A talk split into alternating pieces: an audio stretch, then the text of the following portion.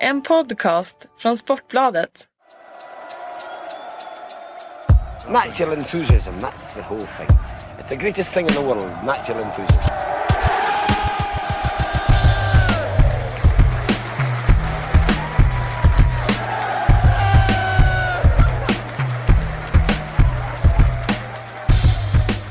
Hej och välkomna till Premier League-podden torsdag den 26 februari. Fullt i studion, Fredrik Jönsson har med sig Erik Niva och Johan Lindestam. Tottenham och Arsenal. Är derby, alltid det är väl derby. skönt. Derby varje torsdag. Vi skulle ju haft den matchen igår egentligen så vi kunde sitta och bråka lite i, i den här studion. Ja, det finns en anledning till att Erik kvittrar mer än en annan i det här sammanhanget. Ja, Nu ska vi väl inte vara sådana kan jag tycka. Men ja, när du ändå börjar nu. Bara från toppen av ditt huvud utan att associera sönder dig eller tänka alldeles för länge. Vilka skulle du säga är dina tre till fem mest smärtsamma Arsenal-förluster?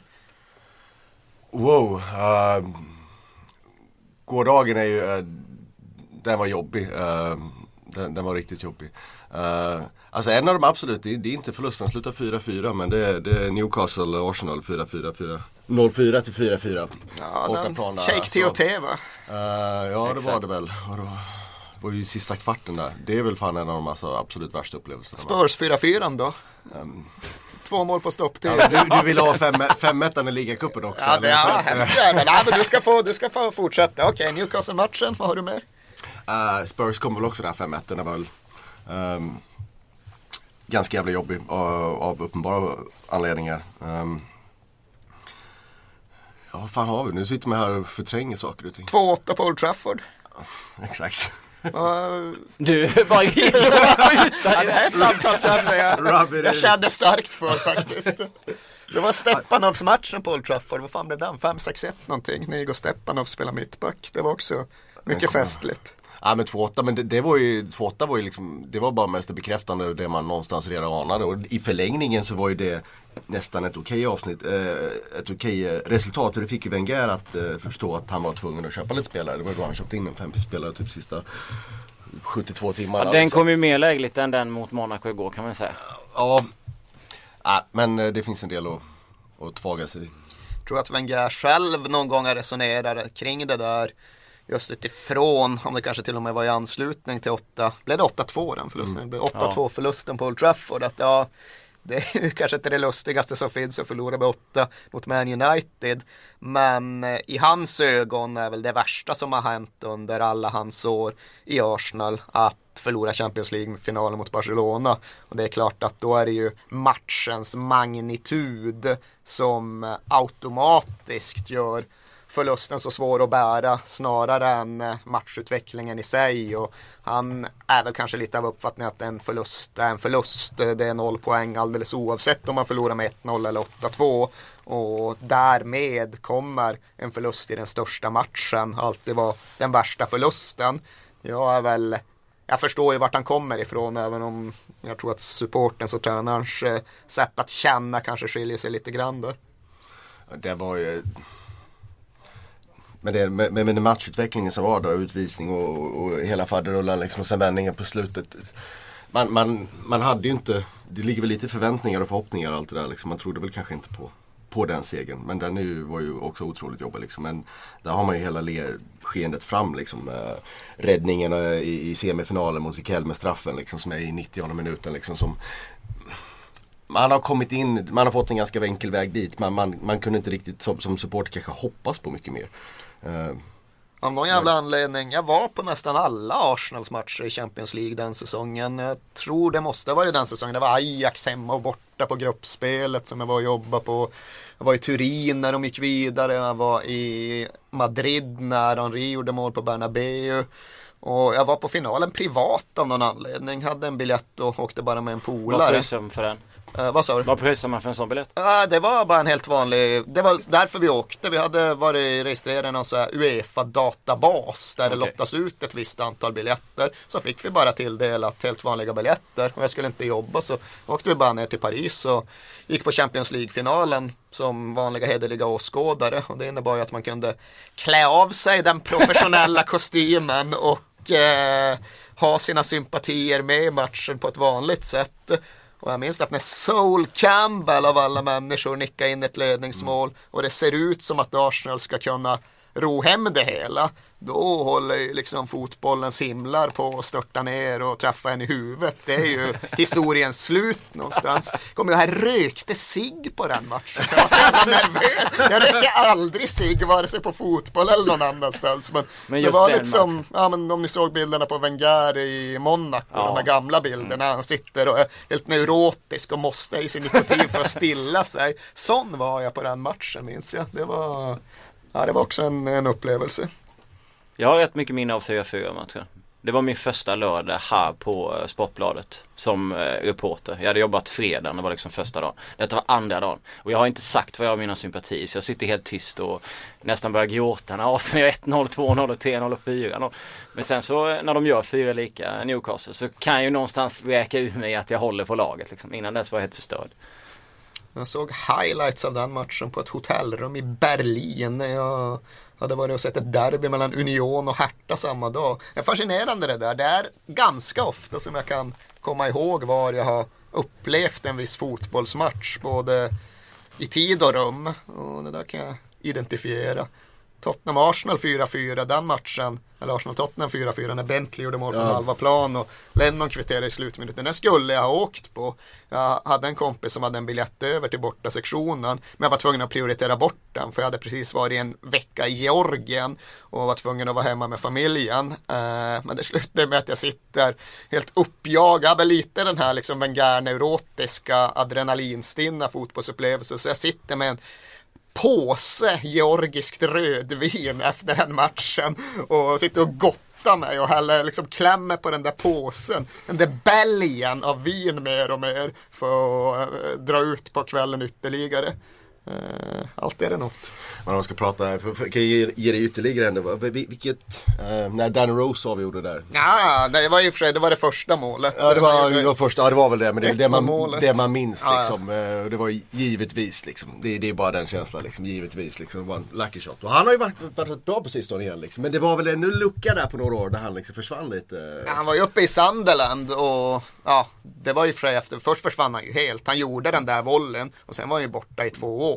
Och då var han ju som bäst. Det var ju då vi verkligen kunde njuta av Danny Rose. Där det enda han hade gjort var ju att skjuta den där vollen och sen försvunnit. Jag är rätt säker på att det till och med blev utbytt i paus. Han sköt den där vollen efter typ en kvart, 20 minuter. Utbytt i paus. Sen, inte, sen såg vi inte till honom igen på flera år. Och då var ju, liksom, då var ju legenden, myten om Danny Rose helt fantastisk. Man bara gled runt Champions League-säsongen som följde. Det var ju typ det vanligaste Tottenham-fans gjorde på bortamatchen. Det var ju att sjunga om Danny Rose som inte då hade synts till på 8-9 månader.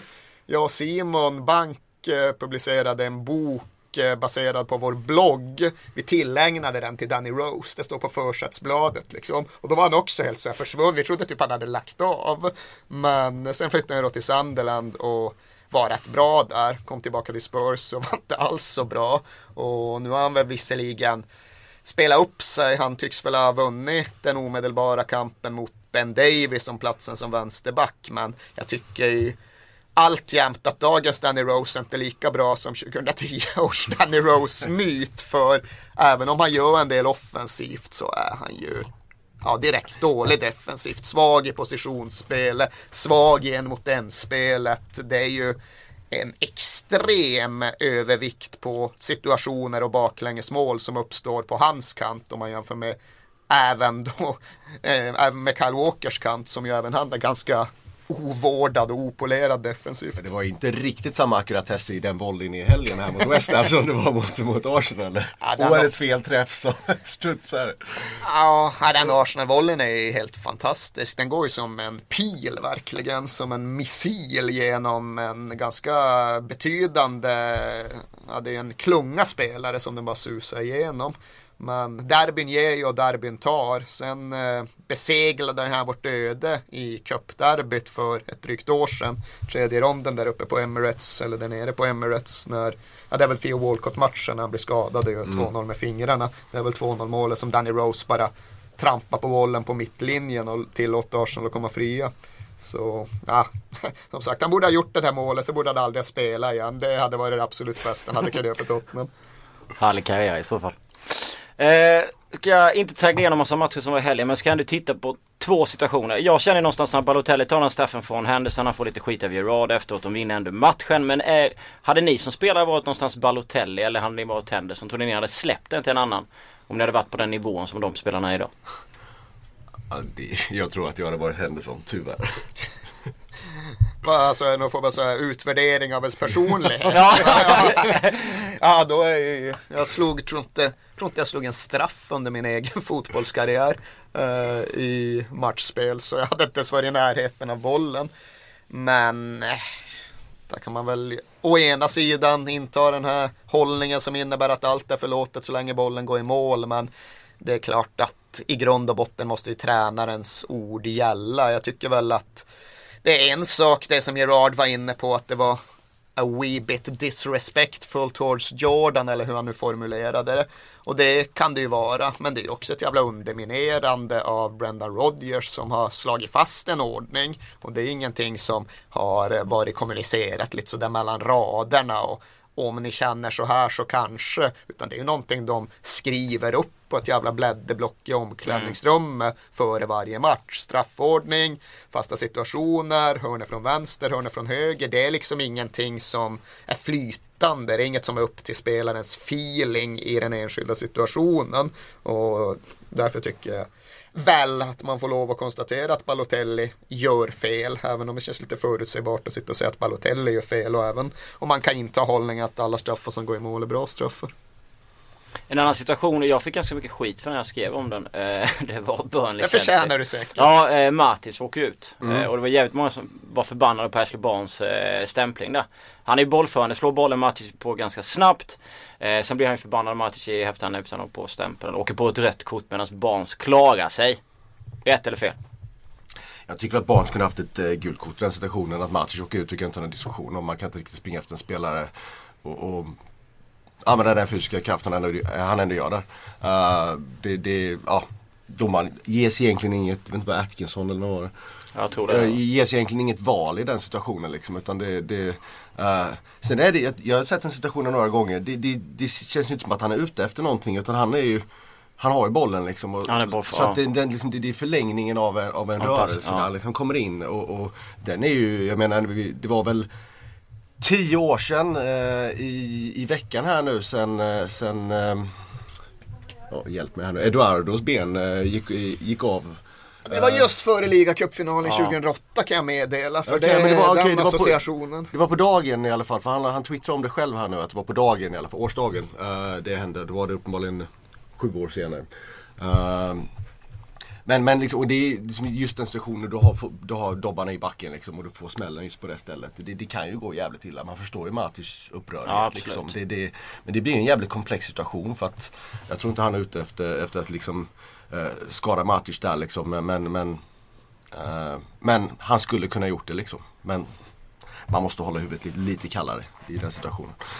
Tröttnar man på Mourinho efteråt? Han pratar om minut 30, 33, 43, 69. Sen går han ut och sätter sig i studion i Sky Sport och kritiserar Han är ju- Atkinson och jämför honom med någon dålig advokat som gör 15 fel av 15 ungefär. Han är ju en sån taktiker, han gör allting med, med alltså han, han har ju tänkt ut allting liksom. Han gör allting med mening, han säger allting av en mening liksom. Ibland står han efter en match liksom, de har vunnit med, det var nog för några, några månader sedan de vann med 2-1 tror jag. Det var något domslut som gick emot dem liksom. Och då står han och hyllar domaren liksom. Och det är för att han kan hylla domaren för de har vunnit. Han, han, han behöver inte, och då liksom, han, han, spelar ju, han spelar ju spelet liksom. Uh. Jag tycker att han absolut kan vara tröttsam men för den sakens skull måste jag erkänna att jag aldrig tröttnar på honom eftersom att jag upplever honom som underhållande. Han är ju oerhört begåvad och han är ju retoriskt skicklig. Men eh, det är ju bara liksom utifrån mitt, mitt eget höga nöjes skull. Det är ju inte analysen av hur han eh, påverkar fotbollsvärlden. Eh, just i det här fallet så kan jag väl just känna att jag är personligen trött på att eh, sitta och bedöma minute 30, minute 33 och allt vad det nu var, de där fyra sekvenserna. Men det har varit spännande att följa efterspelets ebber och floder. Heter det ebber i pluralis ens en gång? Psykologisk utvärdering och grammatiska.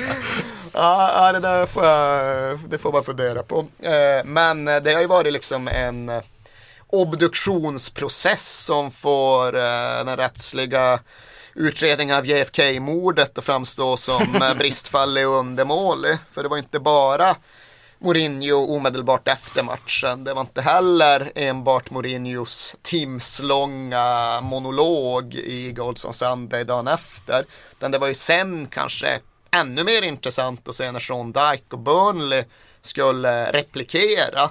För han publicerade ju också sin 10 minuters kommuniké via då Burnleys eh, betydligt mer begränsade tv-kanal. Men den fick ju sen spridning via YouTube och sådär. Och där ger ju han sin syn på saken och ger ju till skillnad från vissa andra ett väldigt resonabelt och välbalanserat intryck. Och sen har det såklart kommit tyckare som har recenserat det också. Gary Neville har varit inne och sagt emot och det har varit liksom fram och tillbaka. Men ur, mitt, ur min synvinkel så har det allra mest intressanta varit just att följa den här liksom media, det mediala manövrerandet. Och här då att Sean Dyke verkligen kände att men nu känner jag att eh, mitt juridiska ombud, eh, det vill säga jag själv, måste gå fram till skranket och föra även vår talan. Och har man inte sett det så kan man faktiskt gå in på YouTube och kolla Sean Dykes redogörelse för hur han såg på de här fyra sekvenserna och hur han såg på matchen i stort och vad han tyckte att det innebar för ja, utvärdering man borde ta med sig på andra sidan för han resonerar på ett eh, trovärdigt och förtroendeingivande sätt.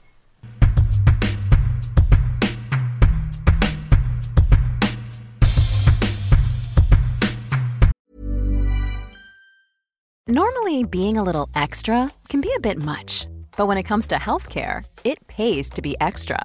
And United Healthcare makes it easy with Health Protector Guard fixed indemnity insurance plans. Underwritten by Golden Rule Insurance Company, they supplement your primary plan, helping you manage out of pocket costs without the usual requirements and restrictions like deductibles and enrollment periods. So when it comes to covering your medical bills, you can feel good about being a little extra. Visit uh1.com to find the Health Protector Guard plan for you.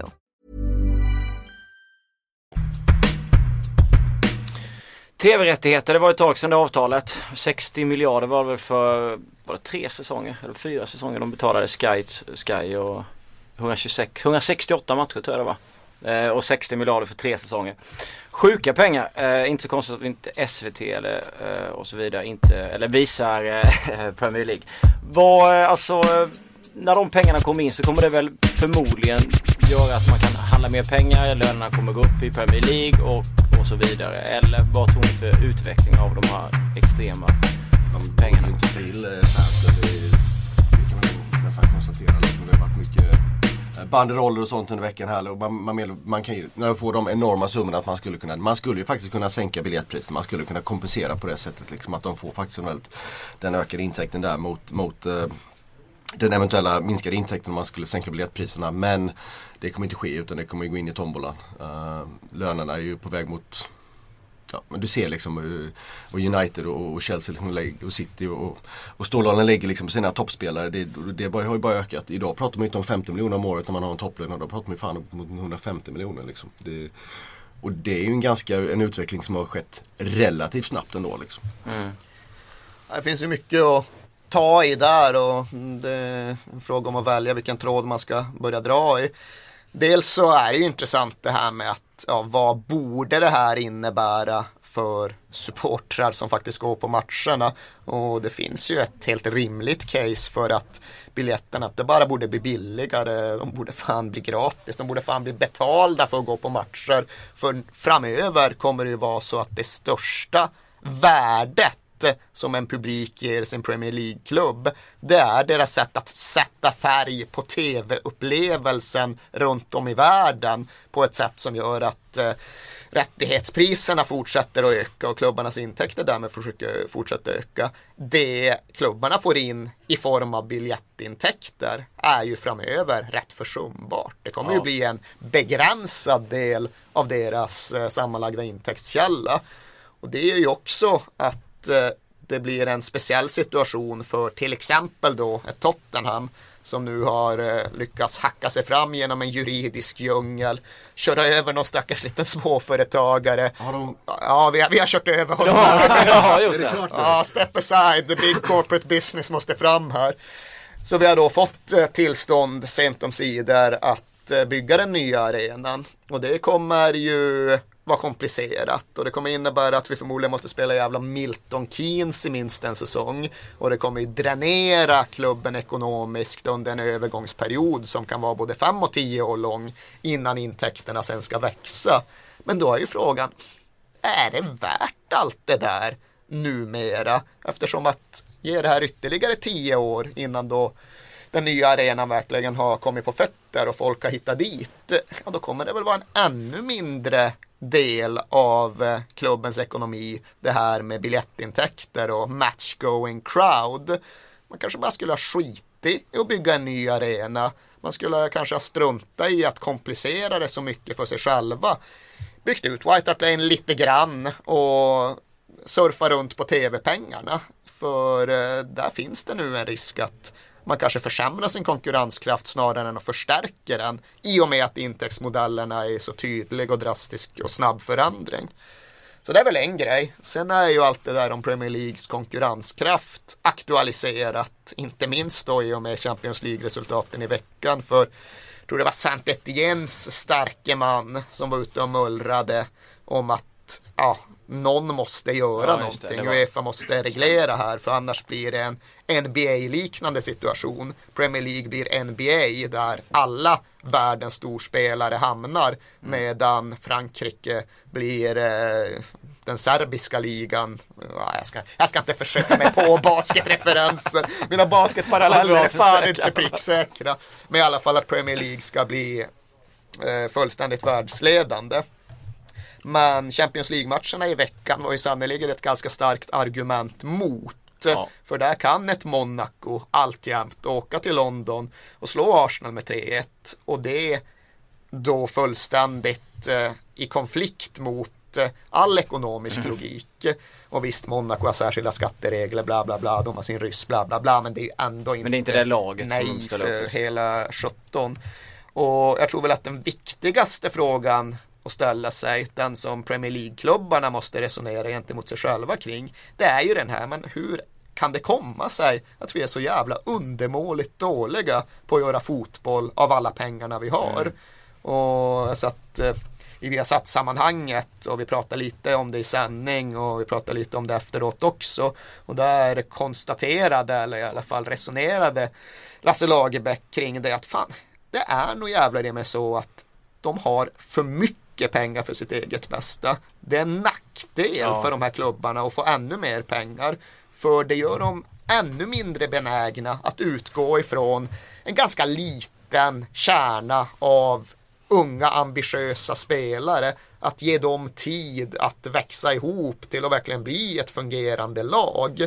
Utan det blir ännu närmare till hands att bara fortsätta snurra iväg i eh, transferkarusellen. Och funkar inte ena året, ja men då köper man väl sex nya så får det lov att funka nästa år. Och Ja, ifall bygger- man inte hittar den defensiva balansen, ja, då kompenserar man det med att köpa tre storstjärnor offensivt. För det vill mediemaskineriet ta in. Och då står man kanske helt plötsligt där och möter inte bara Monacos reserver med ett obalanserat lag utan med någonting som är ännu sämre fungerande. För det gjorde ju både Man City och Monaco, eller Arsenal. De har liksom hamnat i något läge där de helt har prioriterat bort lagbygget och balansen i laget. Det har liksom blivit en vedertagen sanning att ja, men, det är klart att det är kul att släppa loss alla de offensiva storkanonerna och så kör man med Özil och Giroud och Welbeck och Cazorla och ytterligare någon som jag inte ens kommer Sanchez ihåg. och- Ja, Sanchez. Och sen glömmer man någonstans, då tror man att det ska funka. Medan det i själva verket alltjämt är det hårda gnuggandet på träningsplanen som gör så att ett svårslaget, hårt kompakt lag sätter sig. Det var Monaco igår, det var sannerligen inte Arsenal eller Man City i veckan. Och frågan är om det blir det i en framtid där de slipper anstränga sig utan tror att de bara kan vända sedelbuntar och, och dominera på det sättet. Det känns ju lite som att Wenger, att det gick några om, om man ska gå in på Arsenal och sen så försökte han väl på sätt och vis med lite olika grejer. Sen bara började han handla in. Och sen blir det som du säger att han vill sätta alla de här jävla dyra pjäserna på planen samtidigt. Tänker inte så mycket utifrån vad det ger för lagbygget mot just Monaco i en Champions League-match. Och sen så bara... Då ska vi komma ihåg att, att, att, uh, man ser balansspelarna på mittfältet. Det är ju en tillfällighet att han, han ens uh, är i truppen. Liksom. Ja. Cockwell är liksom. Det kunde ju varit Arteta som inte heller är en balansmittfältare. Liksom. Uh, Ja, men liksom gå in i en Champions League-åttondel med Coquelin och Cazorla på innermitt. Alltså, hade någon pitchat det för tre månader sedan hade jag börjat trott att det var ett gag. Ja. Och det funkade ju precis så illa som man hade kunnat befara. Och det är ju verkligen så att ja, i Premier League, det har nästan blivit lite så happy-go-lucky ibland att möter man West Brom eller Aston Villa hemma, ja men då funkar det att köra sådär.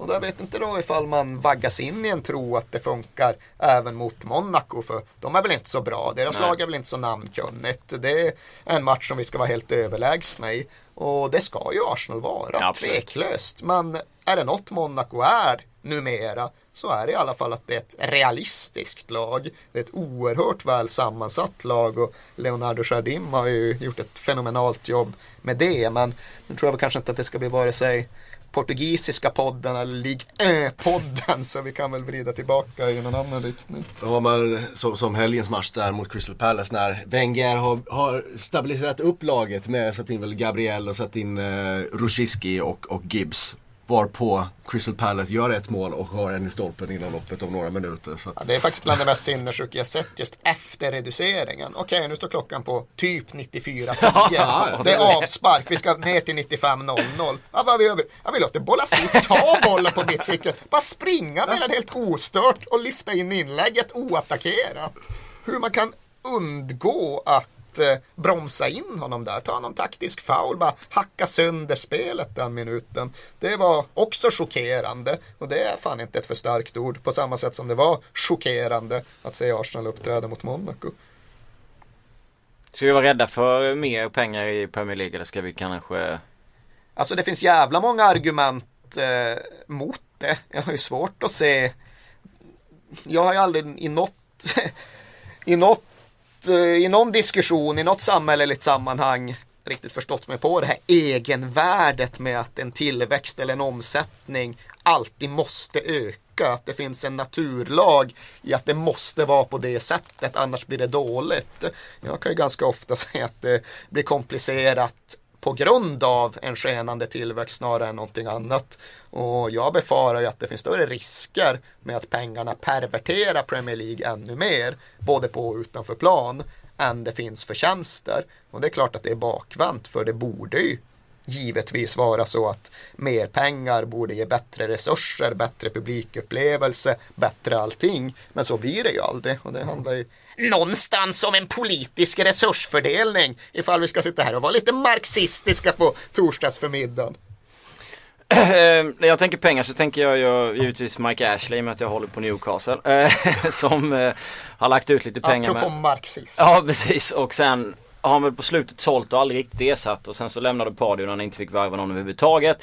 Jag gnäller väldigt mycket på, eh, på Newcastle, det har väl Sjögren också gjort här i, i den här. Vad har, vad har ni för syn på, eh, på klubben? Det känns lite som om man tittar, nu behöver vi inte kolla just fotbollsmässigt men det känns som att City började få igång sitt lag inför Barcelona så är det perfekt att möta Newcastle för att vi har liksom ingenting. Det är ett bygge som är på väg och bara rasar rakt ner. Man bara kör över dem med 5-0 och så tror man att man har något självförtroende men egentligen så spelar inte segern så stor roll för att Newcastle är så jävla dåliga så det är, det är inte ansträngt, det är sådär jättemycket. Utan försvarsspelet är liksom stora hål i. Så det var det sämsta som skulle kunna ske? Ja, ja men alltså för City är det bästa någonsin och det är det oftast för ett lag som liksom kommer igång. Möter Newcastle, kör över dem och sen, ja. Jag är ju fantastiskt svag för hela Jordi-romantiken för liksom The Gallowgate End och Jackie Milburn och Bobby Robson och The Sheet Metal Workers Son from Gosforth eller vart fan det var Alan Shearer egentligen kom från. Så konceptet Newcastle United är jag en oerhört varm anhängare av. 90-talslaget, The Entertainers ja. med Ginola och en eh, manisk Kevin Keegan och allt det där. Så eh, när någon säger Newcastle United reagerar jag ju instinktivt på ett jäkligt positivt sätt. Men Newcastle United anno 2015, Mike Ashleys Newcastle United, det är typ det mest deprimerande jag överhuvudtaget kan tänka mig. Aston Villa har ju också tillåtits bli en jävligt deprimerande klubb och det är nedslående att tänka på. Men frågan är om inte Newcastle United är ännu deppigare just för att Mike Ashley med sitt sätt att vara, med sitt sätt att inte värdesätta något av det jag värdesätter utan bara försöka göra ganska medioker business av klubben till varje pris. Det har liksom dränerat Newcastle United på all entusiasm, all energi, allt hopp, vilket någonstans är det värsta av allt. För så som det är nu, som Newcastle-supporter, man kan inte ens inbilla sig att man kan vinna en cup ett år eller att man kan jassa sig ut i Europa och ha en fin kväll på San Siro som klubben har haft genom åren. Utan det finns ju ingenting att tro på, ingenting att eh, knyta upp eh, en framtid runt. Och det är klart att de kan blixtra till i en enskild match och de slår Chelsea med 2-1 och helt Det spelar inte så stor roll i fem. Jordis Liksom. på plan. Men om man liksom utvärderar Newcastles trupp, Newcastles transferarbete, framförallt då återigen och alltid tillbaka till Newcastles klubbledning, så är det liksom kanske den mest hopplösa klubben överhuvudtaget kan hitta i europeisk toppfotboll. För, och det är så långt ifrån det Newcastle som jag lärde känna som ung och som jag har lärt mig liksom höra historier om. För då skulle det just vara jag kunde vara ner i tvåan ibland, men vad fan, vi fortsatte gå ändå, för helt plötsligt kommer Andy Cole tillbaka och Ja. gör 300 mål på en säsong och Mick Quinn slår in någon med magen och sen går det bara två år så är det uppe i toppen av högsta ligan och då var det en hel del dalar, en hel del gruvhål, absolut, men det fanns ju också toppar. Det fanns Asprilla hattricks mot Barcelona, det fanns 5-0 mot Man United och Philippe Alberts lobb. Nu finns det liksom bara en match på lördag som, ja de kanske förlorar med fem, de kanske vinner den med ett, men det blir inget kul för det Nej. liksom. Det tar ju aldrig vägen någonstans. Och det känns så tröstlöst att konstatera att det tydligen är så Mike Ashley vill ha det. För tv-avtalet är ju bra. Ja. Men är det inte det lite som gör att man med, med, med det facit som ändå Rangers FC har på hand så väljer de att låta honom komma Ja, in och bli en, bli en eh, alltså, bli den att luta sig mot när de hade rätt mycket andra, mycket vettigare alternativ som står klubben. Ja, jag tror väl inte att den där härvan är utnystad ännu och tur är väl det. Just för att det såg ut som att Ashley skulle få kontroll över klubben. Nu tycks det väl istället bli så att de tar in en sydamerika- sydafrikansk eh, snubbe med rötter i Glasgow. Och det vet det fan om det är bra. Han verkar också vara en jävla skojare på många sätt och vis. Men han är i alla fall inte Mike Ashley. Och ja, det är ju också just där. Rangers är ju på ett sätt ännu mer deprimerande Ja. än Newcastle. För fy fan vad de har fått utstå. Fy fan vad illa det ser ut Och så kommer nu. Mike Ashley dit också. Ja, är det så att Mike Ashley ska ta det vidare därifrån det är fruktansvärt. så alltså det är ju suicidalläge verkligen. Men ja, om de slipper Ashley så krävs det inte så mycket för att eh, man ska kunna ta fart uppåt i det skotska seriesystemet. Men det jobbiga här känns det ju som att jag vill ju någonstans att Ashley ska dra. Men då är det ju någon som ska köpa klubben också. Och det känns ju otroligt tråkigt om de pengarna skulle komma från Qatar eller liksom olje, alltså någon, någon annanstans. Då känns det ändå som att man kan hamna på eh, ett dopningsläge som jag vill kalla det när man bara köper in dyrt och hela den här grejen. Sen finns ju i och för sig financial fair play men situationen borde ju ändå bli bättre när det hellre- kommer en sån lösning. Men den är inte kul. Ja, men jag hade hellre tagit en oligark och jag hade hellre tagit en uh, schysst shake än jag hade tagit Ashley. För liksom Ashley, han eh, är ju liksom demonstrativt Ja, nedsättande han. mot supportrar. Liksom uh, shakerna runt Man City, de bryr sig i alla fall om Ja. att låtsas. Eller ja, nu raljerar jag faktiskt. De har gjort väldigt mycket bra. Deras ägande är på vissa sätt ganska sunt. Sen finns det en oerhörd problematik runt hela ägandemodellen och runt eh, situationen och eh, det politiska läget och den politiska traditionen i Mellanöstern. Men som klubbägare håller jag dem huvud, skuldror, magtrakt, underliv och knän högre än vad jag håller Mike Ashley i Newcastle. Men det är klart att det finns ju fortfarande att man vill ju att ett lokalt konsortium av affärsmän med starka band till den egna klubben ska vara de som tar över en, eh, ens förening. Det är en önskebild. Men... det sker ju Nej. nästan aldrig längre. Och nu håller väl apropå det också Swansea City på att resonera kring att sälja till ett gäng amerikaner som ja, de själva pratar om som oerhört ambitiösa och noggranna och välmenande. Och det kanske de är, det vet jag faktiskt inget om. Men det vore jävligt deppigt med tanke på, Swan, på att Swansea ändå utifrån engelska mått mätt har varit det närmsta vi har kommit en supporterdriven förening som har uträttat någonting. De tog sig upp från fyran till övre halvan av Premier League och de var visserligen aldrig supporterstyrda men det finns ett betydande en betydande ägarandel som är supportrarnas och det finns absolut en stark supporterrepresentation i beslutsfattarrummen och därför vore det liksom extra deppigt om de också kände sig tvingade att gå den vägen. Eh, förra avsnittet var ju sponsrat av Expect och det är det den här eh, veckan också. Så att jag eh, ska låta Johan Lindestam tippa en match i helgen här nu. Alltså, Litar du på ditt Arsenal eller Vilka möter Arsenal? Everton, Everton. på söndag klockan tre tror jag. Everton kan man med raljera över ganska länge över hur det ser ut här. Ja, jag, jag, jag, jag tror väl eh, faktiskt eh, att, att de ligger bra till. Men om man ska, det här är ju en... Tottenham tar ligacupen. Jag kan bara passa på att säga exakt hur den matchen kommer gå så att eh, alla jag ska inte uppmana folk att tippa eftersom att det, det ska inte rulla några pengar här. Men det som kommer att hända utifrån den världsbild som kretsar kring att allt ska gå till helvete för Spurs. Det är ju att José Mourinho genom sitt systematiska raljerande har försatt sig själv och sitt lag i en position där de kommer få med sig en mycket mycket tveksam straffbedömning i den 18 minuten. Och inte nog med att de får straff, det blir även en målchansutvisning på Tottenhams olyckliga Jan Fertongen. Så de 1-0, får spela på det i knappt 70 minuter, vinner med 4-0 till slut. Det är ligacupfinalen. Om du nu vill spela 4-0 så är det ju så att eh, Expect har ju ett riskfritt spel så du kan slänga in tusenlapp och du ryker på den och får ändå tillbaks pengarna och kan ta ut dem. Så att antingen sätter du 4-0 till Chelsea eller Nej men eh, eftersom vi ändå var inne på ämnet förut här nu med Newcastle. Eh, jag är ju lite, jag, jag, jag har väl jag trodde faktiskt på Aston Villa helgen mot Stoke. Det gick ju inte så jäkla bra för dem. Eh, men jag får fortsätta tro på Aston Villa. Eh, under show där va. Eh, borta mot Newcastle. Eh, kan de eh, kanske ta en, eh, en pinne eller tre. Tim Sherwood är en garanti för något, väldigt oklart vad. Jag tror ju stenhårt på en hemmavinst. Men eh, ja, jag brukar inte göra det men för en gång skulle jag göra det. Eh, alltså Sunderland, eh, Sebastian Larsson. Eh, varit i Arsenal lite och varit i Sunderland ganska länge. Jag tyckte det var rätt tråkigt när han valde att eh, stanna kvar i Sunderland. Hur ser ni på Sebbes, Sebbes karriär och karriärsval?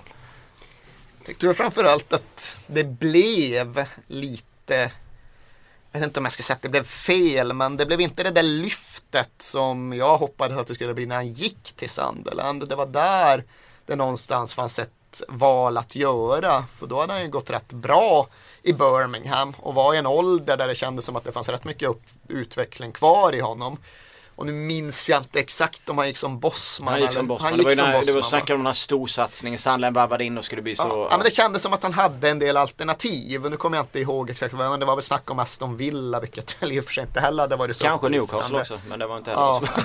ja, med facit i hand så kanske det var pest eller kolera, jag vet inte. Men då var det just att ja, men nu ska Sunderland satsa, ta sig upp på en ny nivå. Sebastian Larsson ska vara en av spelarna som får det att hända. Och så blev det ju inte riktigt, vare sig för Sebastian Larsson eller för Sunderland. Och det var väl sådär för ett drygt år sedan eller så som jag var rätt frustrerad med Sebastian Larsson för jag upplevde att han var då en del av problemet snarare än en del av lösningen när Sunderland gick verkligt knackigt. Det var oerhört mycket armviftande och liksom krav på att diktera spelet centralt men jag tyckte det blev rätt lite produkt av det. Och när Poirier tog över så var jag rätt orolig. Jag tänkte att det här kan nog innebära att Larsson får väldigt svårt att spela sig till ett nytt kontrakt som det ju då var frågan om. Men nu valde de båda parterna att förlänga. Och där är väl också sådär att ja, vad skulle han gjort istället? Det jag minns var att han kopplades ihop med en del turkiska klubbar. Ja, just det. Och det Stämmer. finns väl för och nackdelar med ett sånt karriärsval. Men den här säsongen så måste jag väl ändå säga att jag tycker att Sebastian Larsson har varit det- en del av det positiva snarare Mm. än det som har varit problematiskt med Sandern. Jag tycker han har varit rätt bra Ja, en bra utifrån svåra förutsättningar. Och nu har Kettemol varit borta rätt mycket och det har ökat ansvarsbördan för Larsson och jag tycker ändå att han är en av ganska få runt eh, Sunderlands omklädningsrum som har rätt att hålla ryggen rak och huvudet högt för där är det ju också en jäkla skitsäsong och det är ju väldigt eh, Ja, man tittar på med nästan morbid fascination när Poirier håller på att snör, snärja in sig själv i en massa resonemang och där han vänder skuldbördan mot supportrarna och sen får reaktioner på det och då försöker han eh, bygga om eh, sin retoriska modell och hamna någon annanstans men trasslar mest in sig bara ännu mer. Så det är också en disharmonisk förening i nuläget men det är i alla fall inte Sebastian Larssons fel, det kan jag med glädje säga. Det är tre poäng ner till understrecket va?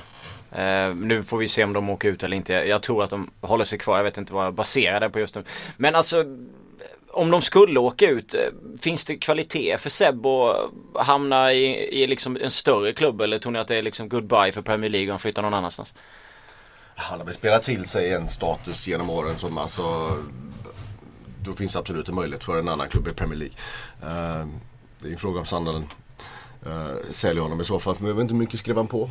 Ja, han skrev ju inte på ett ettårskontrakt Nej. i alla fall Nej, det och det är klart år, att det va? Och rätt komplicerar välbetald var han ju faktiskt. eh, Ja, I och med att han gick som bossman, får mig att han fick eh, rätt feta pengar. Han ska ju fylla 30 nu också. Så, inte vet jag, men ska man lyckas lösa en 30-årig Sebastian Larsson från ett hyfsat nypåskrivet kontrakt.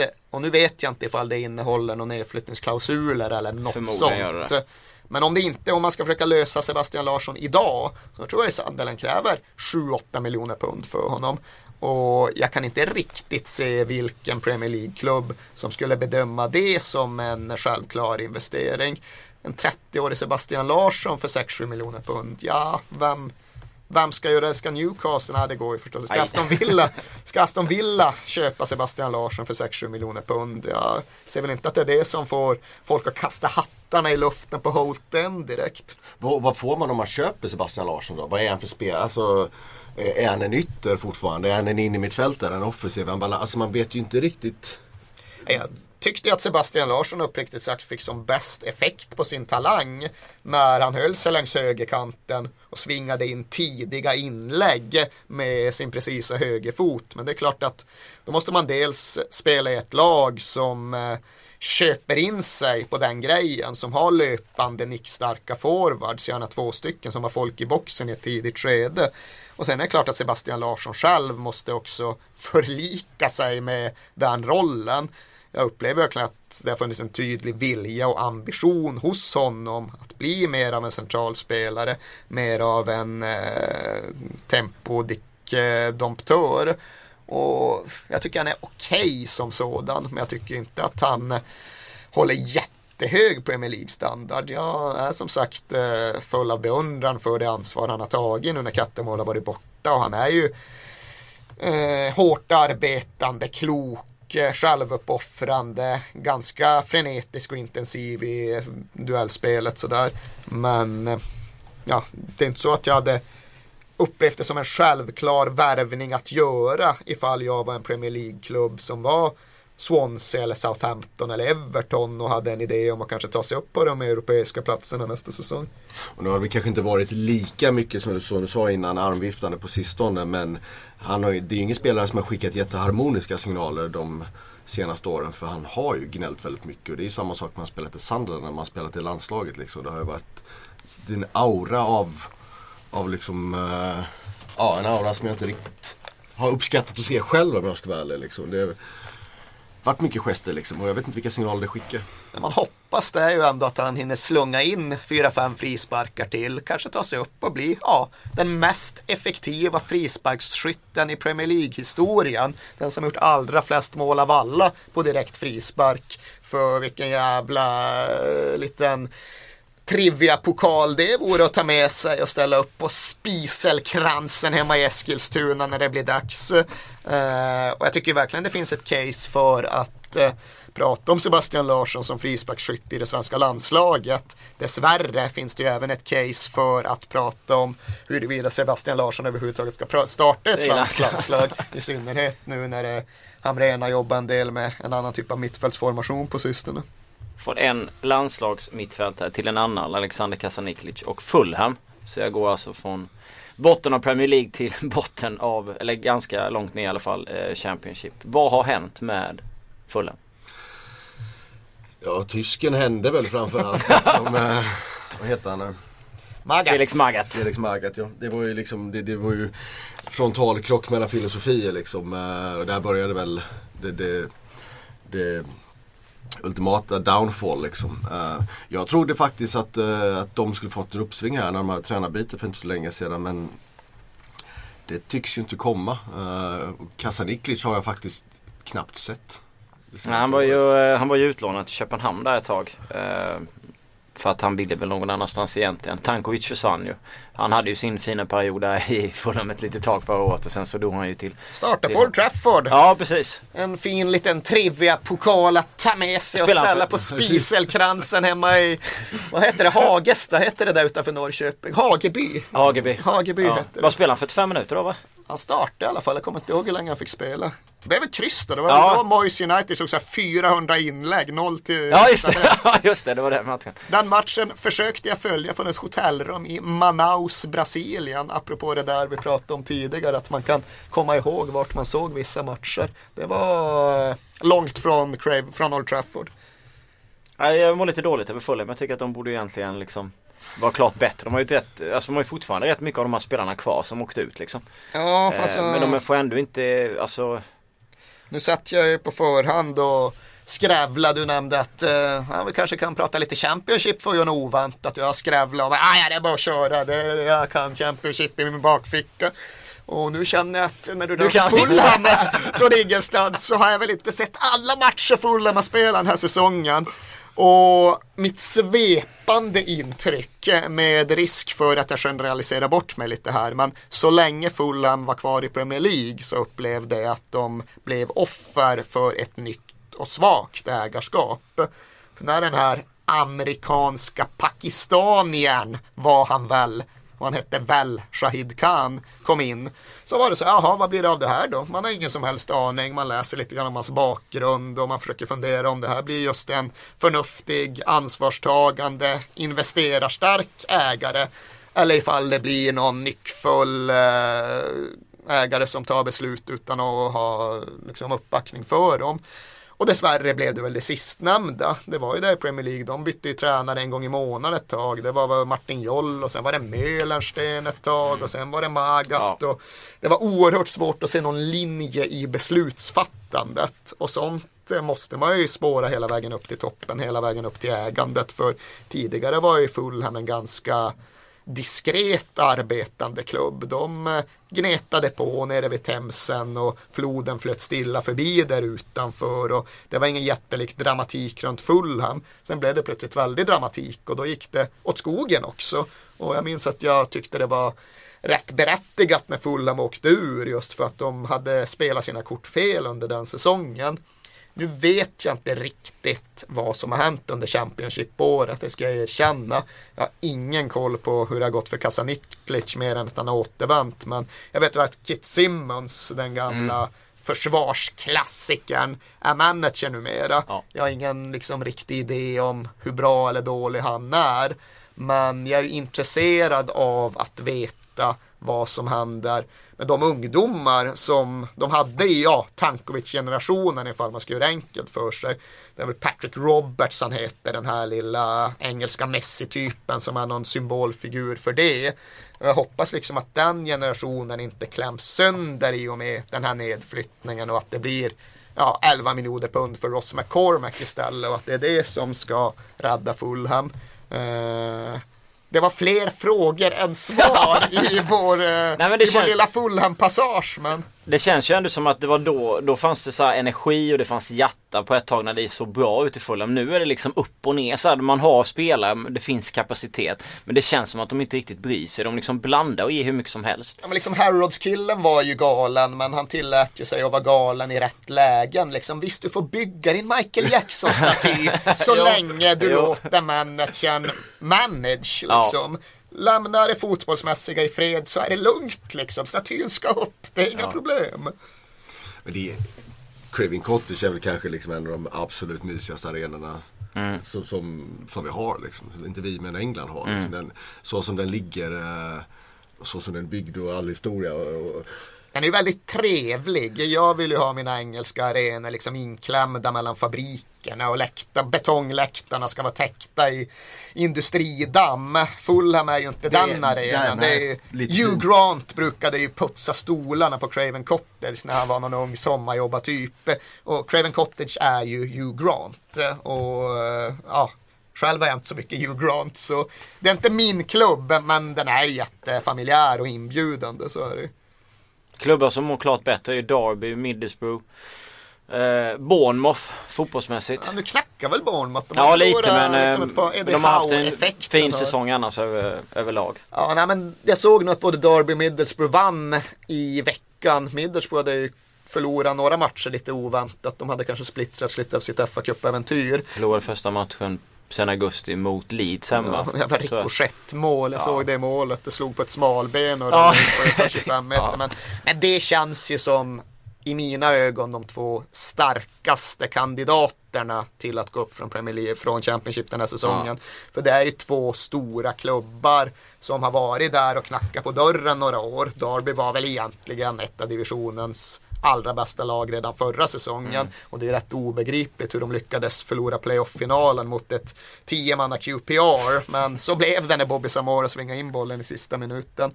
Nu känns alltså Steve McLaren tror jag att många fortfarande minns som den vilsna figuren som stod i ett paraply och såg England förlora mot Kroatien på Wembley.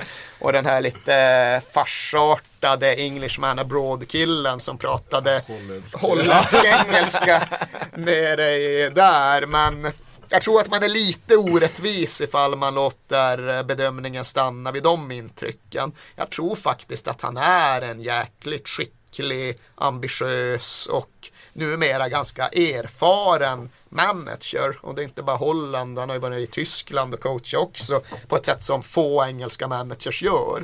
Så där tror jag verkligen att de har en manager att bygga klubb runt. Han har ju också gjort det bra nu när han har kryddat laget med spännande Premier League-lån. Ja. Och när Jordan Ibe skulle tillbaks till Liverpool, ja men då får vi väl lyfta in Jesse Lingard och Tom Ince istället. Och nu verkar han ju faktiskt ha fått fart på Tom Ince. Tom Ince som valde, vad var det, valde han Hall istället för Inter. Det var ju bokstavligt talat så att han sa nej till Inter för att skriva på för någon lite mindre glamorös engelsk klubb här om året. Och man misstänkte att hans karriär kanske skulle försvinna i dåliga val. Men eh, ja, nu har McLaren fått effekt på honom. Och Karanka och det han håller på att lyckas med i Middlesbrough det kom ju i fokus i och med den där fantastiska segern de hade mot Man City på Ja. Eastlands. Så där känner man väl också att det finns nog en stark en stadga som det kanske inte finns runt huvudutmanarna som väl är Bournemouth där Eddie Howe och hans modell är oerhört beundransvärd men det är ändå en liten, liten klubb med jämförelsevis små resurser även om de har sin ryska investerare. Och vad är det mer? Det är Ipswich. är. Norwich med. Ipswich och Mick McCarthy, det känns som att han trollar ta mig tusan med knäna. Det är ett Ja. budgetlag som han försöker göra någonting med. Norwich är nog i så fall i mina ögon en starkare uppflyttningskandidat. De har ju i stort sett kvar Premier League-laget. Mm. Han ville väl inte släppa för att han tyckte att de som åker ur de ska fan hjälpa klubben upp igen ungefär. Ja, nu har de han Alex Neil som människa som inte kan något vidare. Men vad var de sålde? Jag, kan ju aldrig, jag har aldrig lärt mig skilja på Snodgrass och Houlihan under alla dessa år. Men en av dem, det var väl Snodgrass, sålde de ju till Hall. Men hans knä gick ju sönder direkt så han har ju knappt spelat. Men därutöver är det väl Premier League-laget. Det ja. Martin Olsson blev ju kvar där också. Så de eh, kommer nog vara there or thereabouts när säsongen avslutas.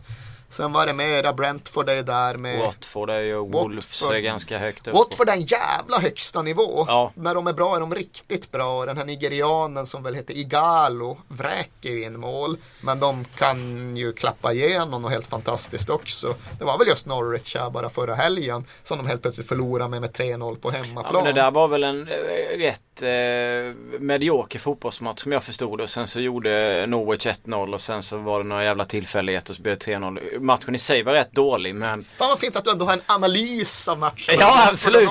Ja absolut. Du följde den uh, noggrant. Nej men alltså jag har kollat på eh, bilder från den och jag har liksom läst om den och så vidare liksom. Så att som jag förstod det där så var det en, en ganska dålig fotbollsmatch egentligen. Men att Norwich fick med sig tre bollar och vann med 3-0. Det såg ju ganska fint ut om man, om man, alltså man möter Watford och så vidare. Men det jag gillar mest med Derby, de har ju bred trupp. Man har ju ändå hört Chris Martin skadad, eh, Russell har varit skadad och Tom Ince gått in och gjort som du var inne på, jag tror han har gjort fem baljor. Darren Bent har ju levererat också.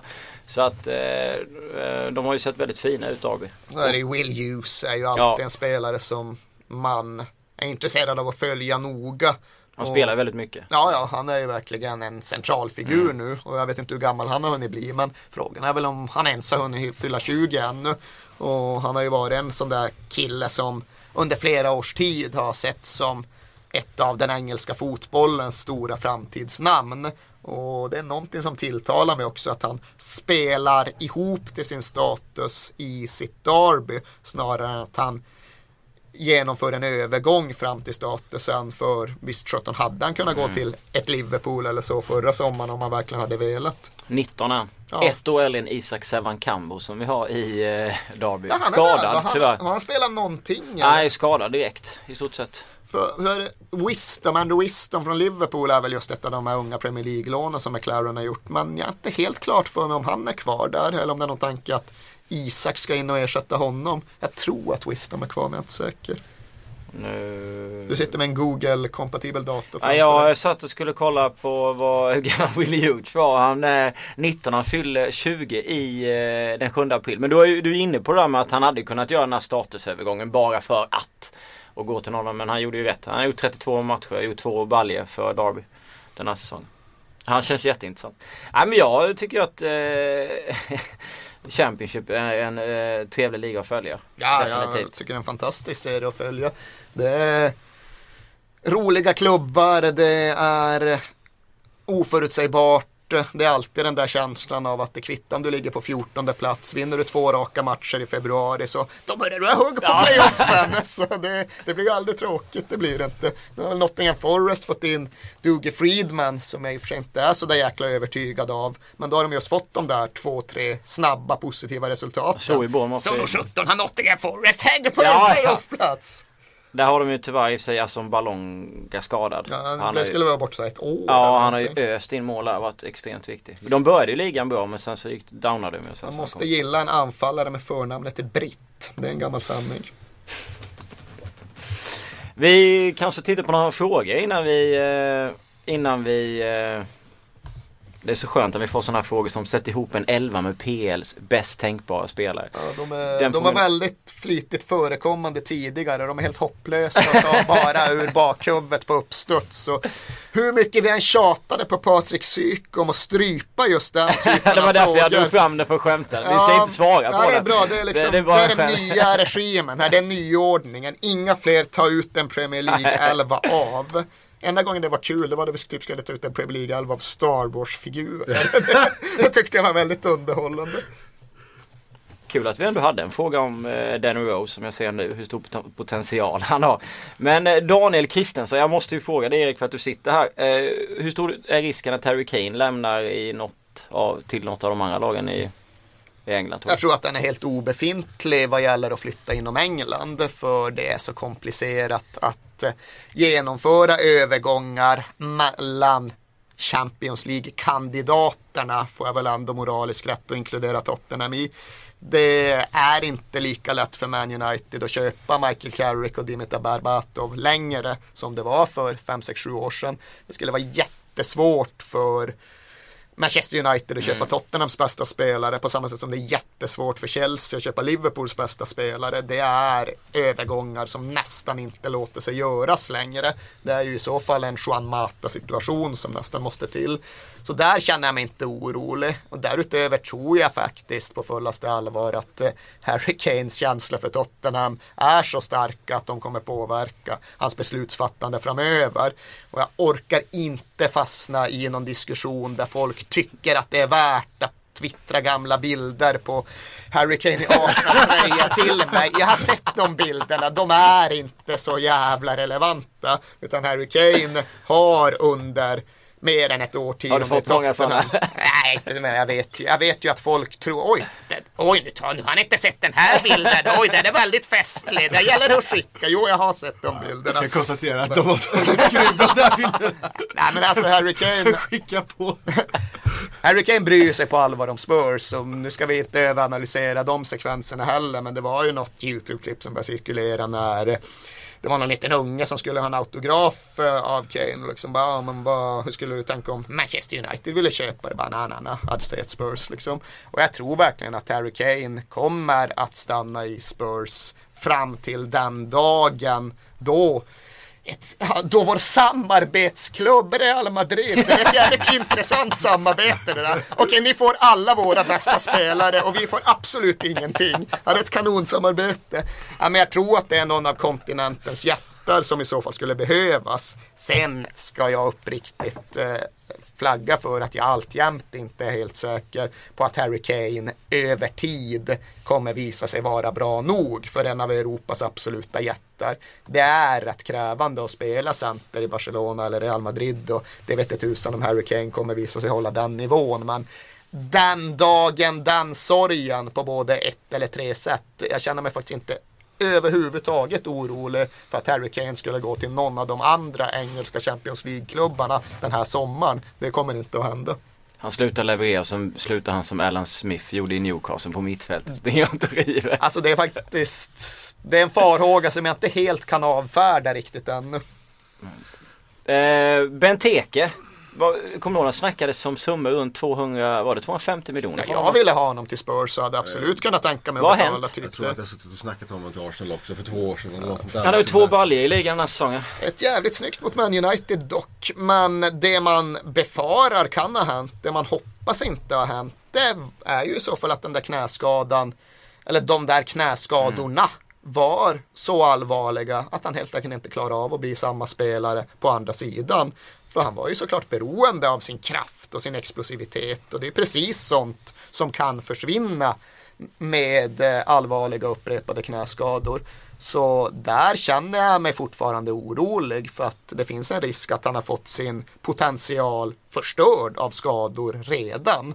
Jag är inte övertygad om det och jag hoppas ju att förklaringen kan vara en annan. Att förklaringen kan handla om hur jävla deppigt det är att spela center i Aston Villa. Och att Tactics Timmy Sherwood nu kan få fart på honom genom sitt tjat. Som han ju redan har börjat ägna sig åt både internt och externt om att hit Benteke early with the balls. Att eh, just Aston Villas spel kommer kretsa kring Benteke på ett sätt som Sherwood fick det att kretsa kring Adebayor under några märkliga månader precis när han kom till klubben. Så om bara Bentekes kropp håller, om bara Bentekes kropp är vad den var, då tror jag fortfarande det finns en toppklass forward där inne. Vi satt i förra PL-podden och kritiserade Cahill en del. Det är många som frågar om Vincent Kompani här. Ehm, hans klass.